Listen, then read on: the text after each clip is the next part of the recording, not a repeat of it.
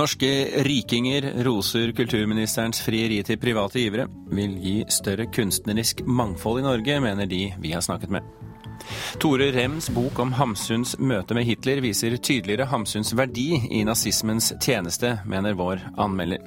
Og flesteparten av studentene fra norske moteskoler ender opp i andre bransjer enn motebransjen etter endt utdanning. Du hører på Kulturnytt med Birger Kolsrud Jåsund i studio. Toril Vidvei får støtte av potensielle givere for sitt syn på at kulturlivet skal få mer penger fra private lommebøker. Gjennom å styrke den såkalte gaveforsterkningsordningen vil kulturministeren friste private givere til å støtte kulturlivet, og ut fra de vi har snakket med, så kan det hende ordningen blir en suksess. Nei, jeg tenker jo at dette er gledelig. Den svært kunstinteresserte forretningsmannen Christian Ringnes er storfornøyd med kulturministerens satsing. Ordningen går ut på at private pengegaver til landets kunstmuseer utløser et tilskudd fra staten. F.eks. vil en gave på 100 000 kroner bli til 125 000 kroner, fordi Toril Vidvei spytter i 25% ekstra. Dette kommer til å gi større kunstnerisk mangfold på museene, mener Ringnes. Eh, mennesket er av natur konservativt, eh, og det er også motbevisst. Eh, og jeg tror trygt staten kan beskyldes for å ha vært ganske endimensjonal, bl.a. i forhold til figurativ kunst gjennom de siste 60 årene. Det har jo liksom vært absolutt ikke comme il faut. Det at man da får andre prosjekter enn det som et eller annet statlig utvalg finner det for godt å støtte, det gjør at det blir lettere for private å være forslagsstillere, og det blir lettere for museene og finne penger til prosjekter som kanskje Kulturdepartementet eller andre offentlige instanser ikke eh, ville prioritert. Kristian Ringnes får støtte fra to andre med velfylt lommebok. Bergens velgjører Trond Moen. Mangfold trenger vi, så vi er helt enig med vår gode venn Kristian Ringnes. Og investor Jens Ultveit Mo, som mener staten har hatt det han kaller et uheldig smaksmonopol. Kunst skal være mangfold.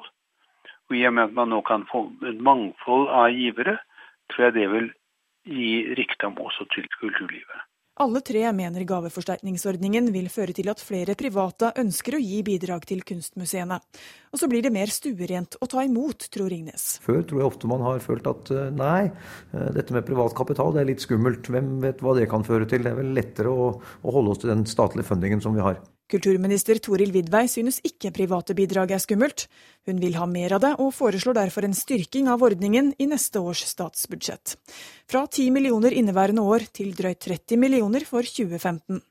Det blir potensielt 120 millioner kroner i private pengedryss til de museene som omfattes av gaveforsterkningen. Dette året er det 72 stykker. Det er jo utrolig mye mer penger, og det er jo det, nettopp dette spleiselaget som er så fantastisk. Blant dem som allerede har fått penger gjennom ordningen, er Blåfarveverket, Norsk Folkemuseum og Baroniet Rosendal. Vidveis entusiasme deles likevel ikke av SVs nestleder Bård Vegar Solhjell. Vi ser jo nå at det her langt på vei kommer istedenfor å øke, øke bevilgningene til kultur. Fordi det kulturbudsjettet her jo faktisk kutta overføringene til kultur i 2015 sammenligna med i år. Og så er det jo òg, syns jeg, betenkelig at det er hvor private velger å gi penger, som òg skal styre hvor skattebetalerne sine penger til kultur skal gå. For dette drar offentlige penger i en viss retning. Solhjells bekymring møter liten forståelse hos Christian Ringnes, som i stedet håper gaveforsterkningsordningen fører til giverpress. Jo, men Det får vi da inderlig håpe. Jeg tror jo at mennesker egentlig bare blir glad når de gir, så jeg håper på et massivt giverpress. Reportere her, reportere her det var Une Marvik Hagen og Petter Sommer. Kulturkommentator i NRK Agnes Moxnes, tror du norske velstående menn, kvinner og firmaer vil føle et massivt giverpress med denne gaveforsterkningsordningen på 30 millioner kroner? Jeg blir ikke helt sikker på det, men det er iallfall med på å bevisstgjøre folk som har penger til overs, at de kan bruke dem til fellesskapet på et eller annet vis.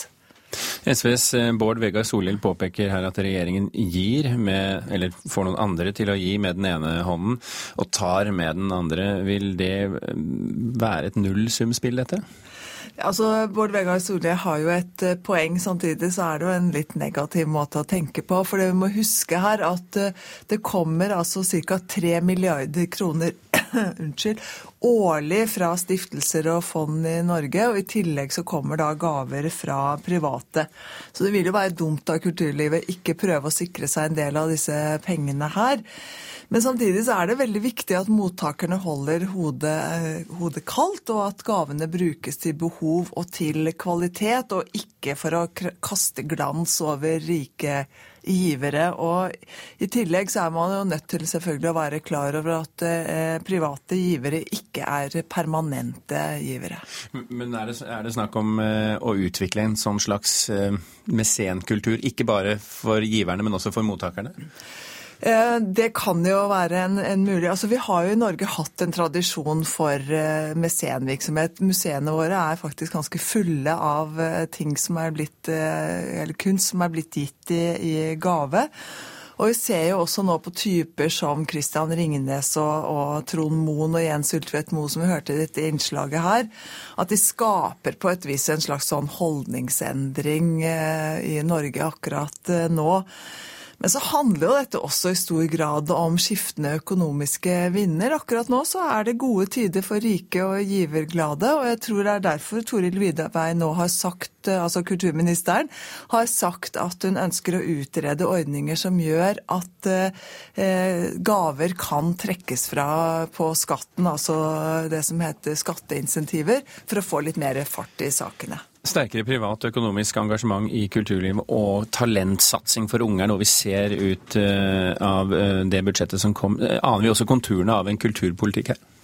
Jeg tror ikke det er noe særlig tvil om at uh, kulturminister Toril Vidvei legger inn den liksom, politiske tyngden sin uh, i denne saken, og at hun bruker nettopp disse private gavene for å sikre sitt politiske ettermæle. Det er en suksessfaktor om hun får til dette eller ikke, sånn at hun skal måles når hennes periode er over, på nettopp dette her.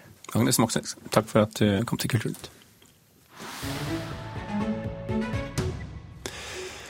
Det koster 10 millioner kroner i måneden å utsette byggestarten for nytt Munch-museum i Oslo. Det sier kulturbyråd Halstein Bjerke til Dagsavisen i dag. Prosjektet styres etter en stram framdriftsplan, og vi har et apparat som koster penger hver måned, sier han. I byrådssaken om nytt Munch-museum antydes byggestart i april neste år, men ifølge Bjerke blir prosjektet én eller to måneder forsinket. NRK skal produsere en ny dramaserie basert på hendelsene rundt 22.07.2011. Filmregissørene Pål Slettaune og Sara Johnsen samarbeider med journalistene Kjetil Østli og Ola Henmo om å skrive serien. Handlingen tar utgangspunkt i de ulike institusjonene som var involvert, bl.a. sykehus, politi og presse, sier Slettaune til Aftenposten i dag. Leder i den nasjonale støttegruppen etter 22. juli-hendelsene, Trond Blattmann, er kritisk til dramaserien.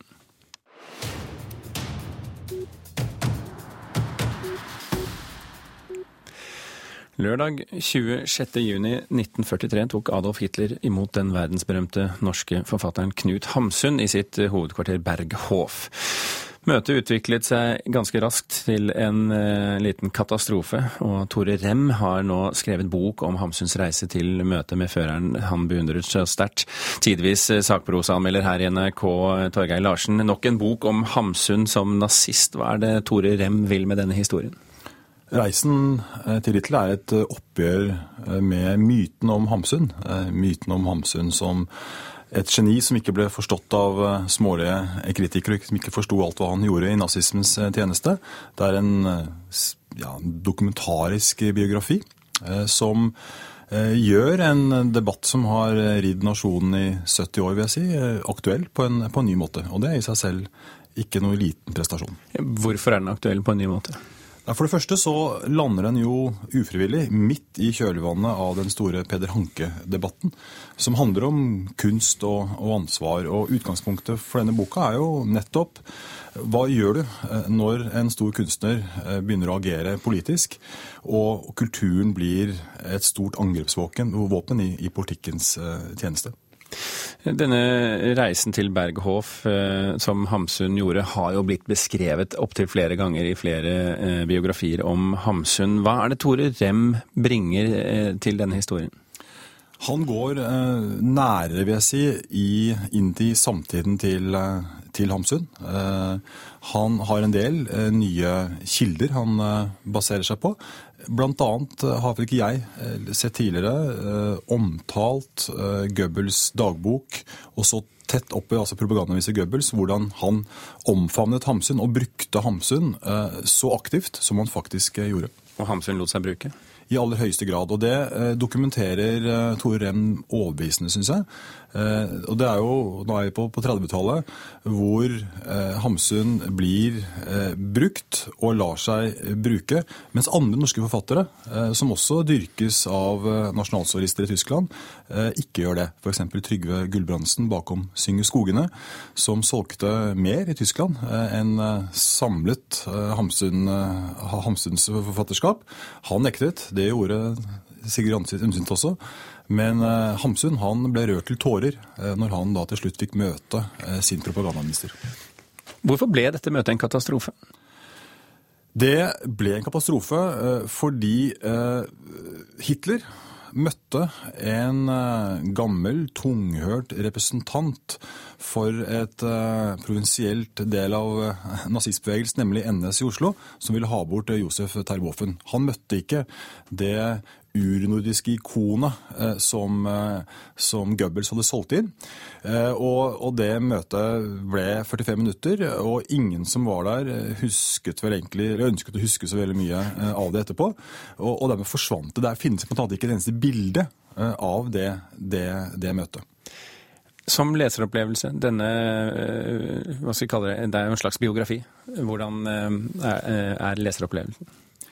Jeg vil si at den eh, største verdien i denne boka, utover at det er en godt komponert dokumentar og levende, eh, det er ettertanken. Eh, et spørsmål som iallfall jeg fikk for meg når jeg hadde lest dette, er at er det sånn at vi som lesere og, og som nasjon har holdt liv i disse mytene om Hamsun for å gjøre det enklere å elske eh, hans forfatterskap? Og jeg tror det. Og jeg tror samtidig at det blir vanskeligere å bortforklare Hamsuns rolle i nazismens tjeneste etter dette. Og Dermed har Tore Rem åpnet døra til en eh, nok flere år med diskusjon om Hamsun i Norge. Torgeir Larsen, takk for at du kom til eh, Kulturnytt. Klokken er drøyt 15 minutter over åtte. Du hører på Kulturnytt, og dette er toppsakene i Dagsnytt nå. Lav oljepris kan føre til at Barentshavet ikke blir utbygd. Svekket verdensøkonomi og mye olje i markedet gjør at prisen ikke kommer til å stige på en stund, tror oljeanalytiker Tina Saltvedt. I Liberia truer 5000 helsearbeidere med å gå til streik i dag. Grunnen er at de ikke føler seg trygge når de jobber med ebolasmittede. Og tyrkiske myndigheter gir USA tillatelse til å bruke flyplassene i landet som baser for angrep mot den ytterliggående gruppen IS. Og senere her i Kulturnytt skal vi til ordkrigen som pågår i Stavanger. Der krangler de om ordet eh, okkupert kan brukes i tittelen på utstilling om Nablus på Vestbredden. Det er altså litt eh, senere i sendingen. Flesteparten av studentene fra norske moteskoler ender opp med å jobbe andre steder enn motebransjen etter endt utdanning. Det viser tall fra nettstedet utdanning.no. De unge som vil inn i motebransjen er naive når de tror de kan skli rett inn i bransjen, mener karriererådgiver.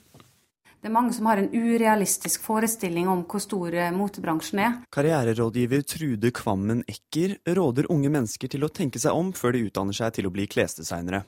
Ekker tror motebransjen er for liten til å ta imot alle studentene. Jeg opplever at eh, de unge eh, er naive, rett og slett, og vil inn i motebransjen. Og det er så mye fokus på det her for tida gjennom blogging, TV-program, media, magasiner osv. Så, videre. så Så jeg tror rett og slett det er en naivitet ute og går. Madeleine Ljunggren gikk ut av den private moteskolen Esmod i vår, og er en av de som har skaffet seg en fot innenfor bransjen. Hun har fått en betalt praksisplass i Voice-gruppen, som er et av de største motekonsernene i Norge. Hun tror at hun hadde hatt bedre muligheter til å få seg en fast stilling hvis hun hadde fått praksisplass under utdanningen. Så om jeg hadde fått det i utdannelsen, så kanskje jeg hadde kunnet gått direkte til en, en ordentlig, ordentlig jobb, da. På Esmod i Oslo hjelper rektor Geir Nordli studentene sine med skolearbeidet. Nordli forteller at Esmod ikke tilbyr praksisplass fordi de føler at studentene lærer mye av det samme i norske motebedrifter som de gjør på skolen. Han syns tallet fra utdanning.no virker høyt, og mener jobbmulighetene i norsk motebransje er gode. Det er jo ingen garantert jobb med å ta en designutdannelse i Norge. Men hvis man søker på de jobbene som er, så er sjansen ganske stor faktisk til å få jobb. Det er såpass mye som skjer i norsk tekstilbransje i dag, og i skandinavisk tekstilbransje.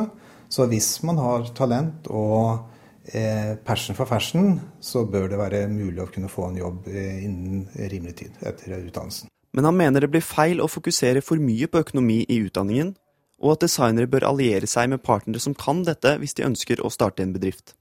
Designutdanning bør ha fokus på det kreative, mener han. Det er litt å blande kortene å tro at man skal da kunne få en fullverdig økonomisk utdannelse eller markedsføringsutdannelse samtidig som man tar en designutdannelse.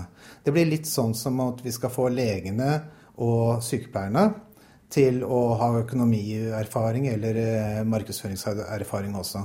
Det blir litt uh, utenfor spesialfeltet vårt, for å si det sånn. Madeleine Ljunggren føler ikke hun har lært nok om økonomi og markedsføring på skolen til å kunne starte sin egen kleskolleksjon akkurat nå. Men hun drømmer om å kunne gjøre det en gang i fremtiden. Hun oppfordrer likevel unge klesdesignere til å ha realistiske forventninger til yrkeslivet. Ikke bare tenke at man skal gjøre noe selv. Selvfølgelig er det jo det en, en veldig god, fin drøm, men man må, må, også være litt realistisk. Reporter i denne saken, det var Jarl Nymo.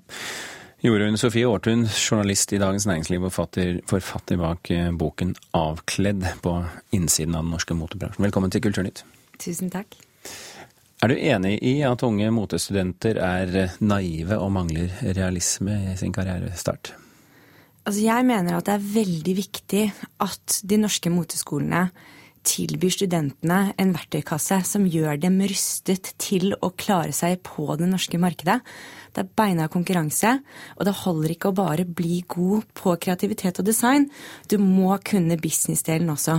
Du må kunne sette deg inn i produksjonsprosessen, du må kunne salg, du må kunne markedsføring for å lykkes. Og en av de tøffeste utfordringene for moteskapere i dag er å få finansiering, og da er du nødt til å klare å utvikle salgbare konsepter.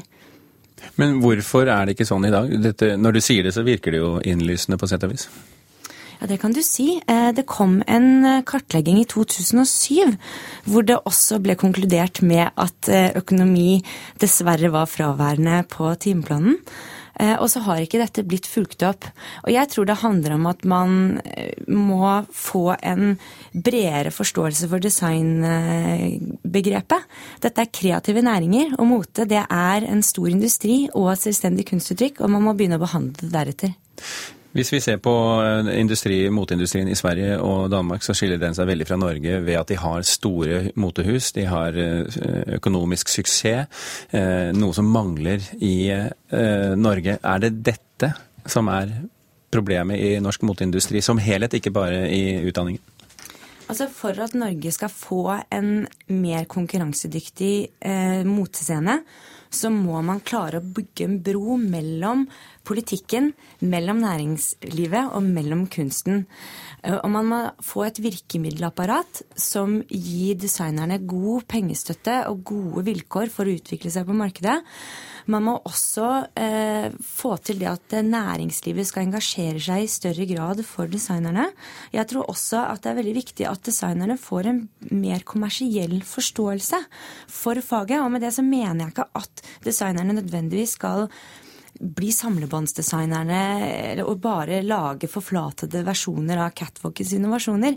Jeg mener at man må plukke opp noen kommersielle triks og lære seg hvordan man skal rulle ut gode motekonsepter på markedet. Er det her stikkordet praksisplasser kommer inn? Det gjør det i aller høyeste grad. Og det mangler? Det mangler. Altså det, det fins noen muligheter for å hospitere og sånne ting, men det er veldig lite formalisert. Og hvis du ser til Sverige f.eks., så er Hense Maurits eh, Sveriges største børsnoterte selskap. Og de eier Sveriges mest kjente moteskole. De har brukt 75 millioner kroner til å bygge opp mote til å bli et eget akademisk studie ved Stockholm universitet. Og dette gjør de jo fordi de ønsker å rekruttere designere på løpende bånd, og fordi de ønsker at Sverige skal fremstå som en motenasjon utad. Sofie, eh, Jorunn Sofie Aartun bak boken 'Avkledd', takk for at du kom til Kulturnytt. Takk for at jeg fikk komme. Vi skal til eh, teaterscenen nå, nærmere bestemt til Det Norske Teatret i Oslo, hvor William Shakespeares tragedie Hamlet hadde premiere denne helgen, med Marie Blokhus i rollen som Hamlet, og i Per Perez Øyans regi. De som er her, veit godt, og du har hørt det, at jeg har heimsøkt så tunge rier. Det jeg har gjort som vekter din karakter og misnøye og ærekjensle, det kaller jeg her for galskap. Har Hamlet krenkt lærtes? Aldri Hamlet. Karen Frøsland Nystøl, teaterkritiker her i NRK. Hva var det vi hørte her? Her hørte vi helt fra slutten av stykket, faktisk, der Hamlet møter Laertes, som er bror til Ofelia, som nå er død, og sønn av Polonius, som òg er død fordi Hamlet ved et uhell drepte han. De to møtes til fektekamp, og planen er at Laerte skal ta livet av Hamlet, enten med via fektinga eller med at uh, tuppen på korden er dyppa i gift. Og her ber Hamlet om tilgivelse, og viser òg at det han har vært med på, er et spill. At uh, denne galskapen òg er et spill. For det er jo mye det det, det handler om. Uh, et grep som er tydelig her, er jo Hamlet i Eh, av kvinnelig skuespiller. Eh, hvilke andre grep har eh, regissøren gjort med denne forestillingen? Eh, regissør Per Perez Øyan har bl.a. syns jeg da, nedtona hevnmotivet til Hamlet. Det vil si han, han får Jeg sier han, for Hamlet er en, en prins. Så jeg, jeg, snakker om han selv om det er Marie Blokhus som spiller Hamlet. Eh, far, far, til Hamlet er død, og Hamlet får i oppdrag å hevne dette drapet. Men, men, Hamlet rives av så mye, og når regissøren nedtoner dette, dette hevnoppdraget, så åpner det for en, en større tragedie, eh, mer enn et hevndrama. Hamlet kvier seg jo for å, for å, ta livet av noen, og han syns at eh, altså døden blir svært alvorlig i dette stykket her. Det, det åpner jo ikke med den vanlige gjenferde besøket soldatene på Slottet, men det åpner med at Hamlet sier 'Å, hvorfor er det ikke lov å ta sitt eget liv? Dette er så tungt'. Så, så døden som tung og vond, den, den, tar Hamlet oss med inn i alle hans tanker rundt det, og hans pine rundt det å måtte kjempe med akkurat dette. Og Øyen er ikke fremmed for å ta inn astrofysikk heller? Nei, nei, han har besøk av Knut Jørgen Rød Ødegård. Eh, del to starter med en video der eh, Hamlet og hans venn Horatio går på Ofelia bar, eh, selvfølgelig i Oslo, og møter der astrofysiker Knut Jørgen Rød Ødegård. Først så tenker jeg dette er et påhitt. Hvorfor sitter de der og, og, og skåler med han og snakker om, om, livet og døden og Big Bang og universet? Men så blir det en ganske fin prat, for Hamlet klarer å snakke inn all sin tvil, alt han lurer på, det at vi alle er støv, hvor kommer vi fra, hvor skal vi til? Det er en kjempefin samtale. Så jeg, jeg gleder meg over den, den, scenen og at den videoen er tatt inn. Det gir, det gir perspektivet på, på, Hamlets kamp. Edvard Hoem har jo gjendiktet Hamlet på nytt for anledningen. Eh, vellykket? Ja, jeg syns det er en fin oversettelse. Den kom i fjor, og den kom på oppdrag fra Det Norske Teatret. Og jeg satt sjøl underveis og tenkte å, så fine monologer, så fint språket er her. Det har selvfølgelig òg med, med framføringa å gjøre, men det er, det er, en fin gjendikting. Det er første gang siden 1967 at det kom en gjendikting på nynorsk. Alt i alt en, en vellykket oppsetning, vil du si? En strålende Hamlet, det må jeg få si. Marie Blokhus er en fantastisk skuespiller med en detaljrikdom i spillet som er som er vel verdt å få med seg. Karen Frøsland Nyssel, takk for at du kom til Kulturnytt. Vi skal til Stavanger, der Det kulturhistoriske museet har havnet i en ordkrig med storpolitiske overtoner. Museet fjernet nemlig en stund ordet 'okkupert' fra tittelen på en utstilling om Nablus på Vestbredden. Etter kritikk da fra Fremskrittspartiet. Men nå har museet ombestemt seg og tatt ordet inn i tittelen igjen. Her har vi lagd en rekonstruksjon, eh, ganske tro kopi av en drikkefontene fra gamlebyen i, eh, i Nablus. Det er Stavangers vennskapsby. Stavanger har hatt et godt samarbeid og et godt forhold til Nablus i mange, mange år. Avdelingsdirektør for kulturhistorie Ove Magnus Bore og administrerende direktør Siri Aavitsland i Museum Stavanger viser fram biter av utstillingen som åpner 7.11. Utstillingen heter 'Nablus en okkupert by'. Stavangers vennskapsby i Palestina. Men i en periode så fikk den et annet navn? Det gjorde han en liten kort periode. Så het uh, utstillingen eh, Nablus, uh, en by på Vestbredden. Ord er makt, og da NRK gikk inn på museets nettside i forrige uke, var ordet okkupert plutselig fjernet fra tittelen på utstillingen. Men nå er det altså tatt inn igjen. Fordi at vi, det handler faktisk om en by på den okkuperte Vestbredden. Jeg syns det er helt feil, for Nablus er faktisk ikke en okkupert by. Sier Fremskrittspartipolitiker i Stavanger, Mats Danielsen. Da byens kulturpolitikere skulle diskutere pengestøtte til utstillingen i mai, ble det oppslag i pressen. Danielsen argumenterte mot bruken av ordet 'okkupert' om Nablus, og det gjør han fortsatt. Nablus var okkupert under en lovlig okkupasjon fram til 1995. Men etter 1995 så har Nablus satt under de palestinske selvstyremyndighetene sin kontroll, og er derfor ikke en okkupert by. Men det er jo ikke helt selvstyre. De har bl.a. kontroll på grensene i Israel, over deler av vannforsyningen osv. Ja, det kan du si. Eh, men jeg syns det er naturlig òg. Underdirektør i Utenriksdepartementets kommunikasjonsenhet, Kristin Enstad, bekrefter overfor NRK at museet har rett i at dette er Norges offisielle syn. Når museet i en periode likevel fjernet ordet okkupert, var det ikke pga. kritikken fra Fremskrittspartiet og Israel-venner, sier museumsdirektør Siri Aavitsland. Jeg vil ikke si det. Dette var bare et ledd i vår egen eh, utvikling, vår egen diskusjon rundt det. Og, eh, og noe av diskusjonen var nok kanskje det òg at det vil eh, den tittelen 'okkupert by' lukke istedenfor å åpne mot et bredt publikum. Reporter i Stavanger som vanlig, Anette Johansen Espeland. Det var Kulturnytt i dag. Hans Ole Hummelvold, Espen Alnes og Birger Kolsrud Aasund bukker baklengst ut og overlater mikrofonen til Stein Heggen. Hør flere podkaster på nrk.no podkast.